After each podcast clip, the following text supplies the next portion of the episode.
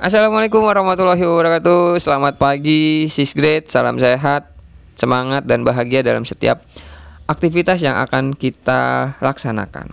Pada hari ini, Mister ingin memberikan audio berupa hmm, pelajaran history dengan tema perjanjian Linggarjati. Didengarkan, disimak baik-baik, dan nanti akan Mister tanyakan beberapa hal tentang isi dari perjanjian Linggarjati pada hari ini. Perjanjian Linggarjati Perjanjian Linggarjati merupakan langkah-langkah yang diambil oleh pemerintah Republik Indonesia untuk memperoleh pengakuan kedaulatan dari pemerintah Belanda. Sebelumnya, diplomat dari Inggris Sir Archibald Chalker mengundang Indonesia dan Belanda untuk berunding di Hook with Value dari tanggal 14 sampai 25 April 1946 untuk menyelesaikan konflik. Namun perundingan tersebut gagal karena Indonesia meminta Belanda mengakui kedaulatannya atas Jawa, Sumatera, dan Madura namun, Belanda hanya mengakui Indonesia atas Jawa dan Madura saja. Sehingga dengan gagalnya perundingan di Value ini, maka kemudian diselenggarakan kembali perundingan di Linggarjati, Jawa Barat. Perundingan Linggarjati terlaksana pada tanggal 11 sampai 15 November 1946 di Linggarjati dekat Cirebon. Dalam perundingan ini dihadiri oleh perwakilan dari Indonesia dan Belanda.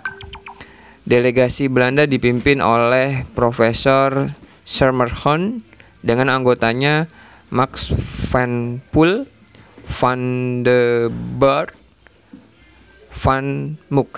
Sedangkan delegasi Indonesia dipimpin oleh Sultan Syahrir dengan anggotanya ialah Mr. Muhammad Rum, Mr. Susanto Tirto Projo, Akagani.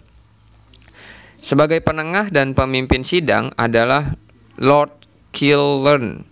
Juga ada saksi-saksi yaitu Amir Syarifuddin, Dr. Laimena, Dr. Sudarsono, dan Ali Budiarso. Presiden Soekarno dan Wakil Presiden Muhammad Hatta juga hadir di dalam perundingan Linggarjati tersebut. Isi perjanjian Linggarjati pada tanggal 15 November 1946, hasil perundingan diumumkan dan disetujui oleh kedua belah pihak. Secara resmi, naskah hasil perundingan ditandatangani oleh pemerintah Indonesia dan Belanda pada tanggal 25 Maret 1947. Perundingan ini menghasilkan pokok-pokok sebagai berikut.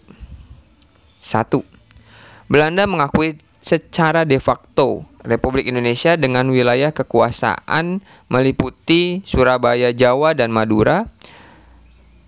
Dua, Republik Indonesia dan Belanda akan bekerja sama dalam menyelenggarakan berdirinya negara Indonesia Serikat. Tiga, Republik Indonesia Serikat dan Belanda akan membentuk Uni Indonesia Belanda dengan Ratu Belanda sebagai ketua.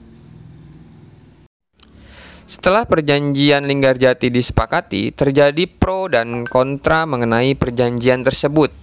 Tetapi akhirnya Indonesia tetap menandatangani perjanjian ini pada tanggal 25 Maret 1947 dengan alasan 1.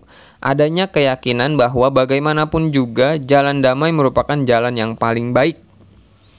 2 Cara damai akan mendatangkan simpati dan dukungan internasional yang harus diperhitungkan. 3. Keadaan militer Indonesia yang masih lemah, jika menyetujui perundingan, mungkin Indonesia memperoleh kesempatan untuk memperkuat militer. 4. Jalan diplomasi dipandang sebagai jalan untuk memperjuangkan pengakuan kedaulatan dan penegakan negara Republik Indonesia yang berdaulat. Dampak positif perundingan Linggarjati 1. Perundingan Linggarjati berdampak terhadap negara asing yang berangsur-angsur mengakui kekuasaan Republik Indonesia. 2. Perundingan Linggarjati ini membuat Indonesia ber terhindar dari banyaknya korban yang jatuh jika dibanding dengan melakukan peperangan. Namun, perundingan Linggarjati bukan tidak menimbulkan dampak negatif. Dampak negatif yang ditimbulkan adalah terjadinya gejolak dalam tubuh pemerintah Indonesia. Karena KNIP tidak secepatnya mengesahkan perundingan Linggarjati karena dianggap terlalu menguntungkan pihak Belanda. Serta dampak yang lebih terasa lagi adalah adanya agresi militer Belanda satu terhadap Indonesia. Hal ini diakibatkan karena Belanda menganggap Indonesia tidak patuh terhadap perjanjian Linggarjati. Oke, sixth grade itu materi hari ini tentang histori yang temanya tentang perjanjian Linggarjati di Jawa Barat antara Indonesia dan Belanda. Oke.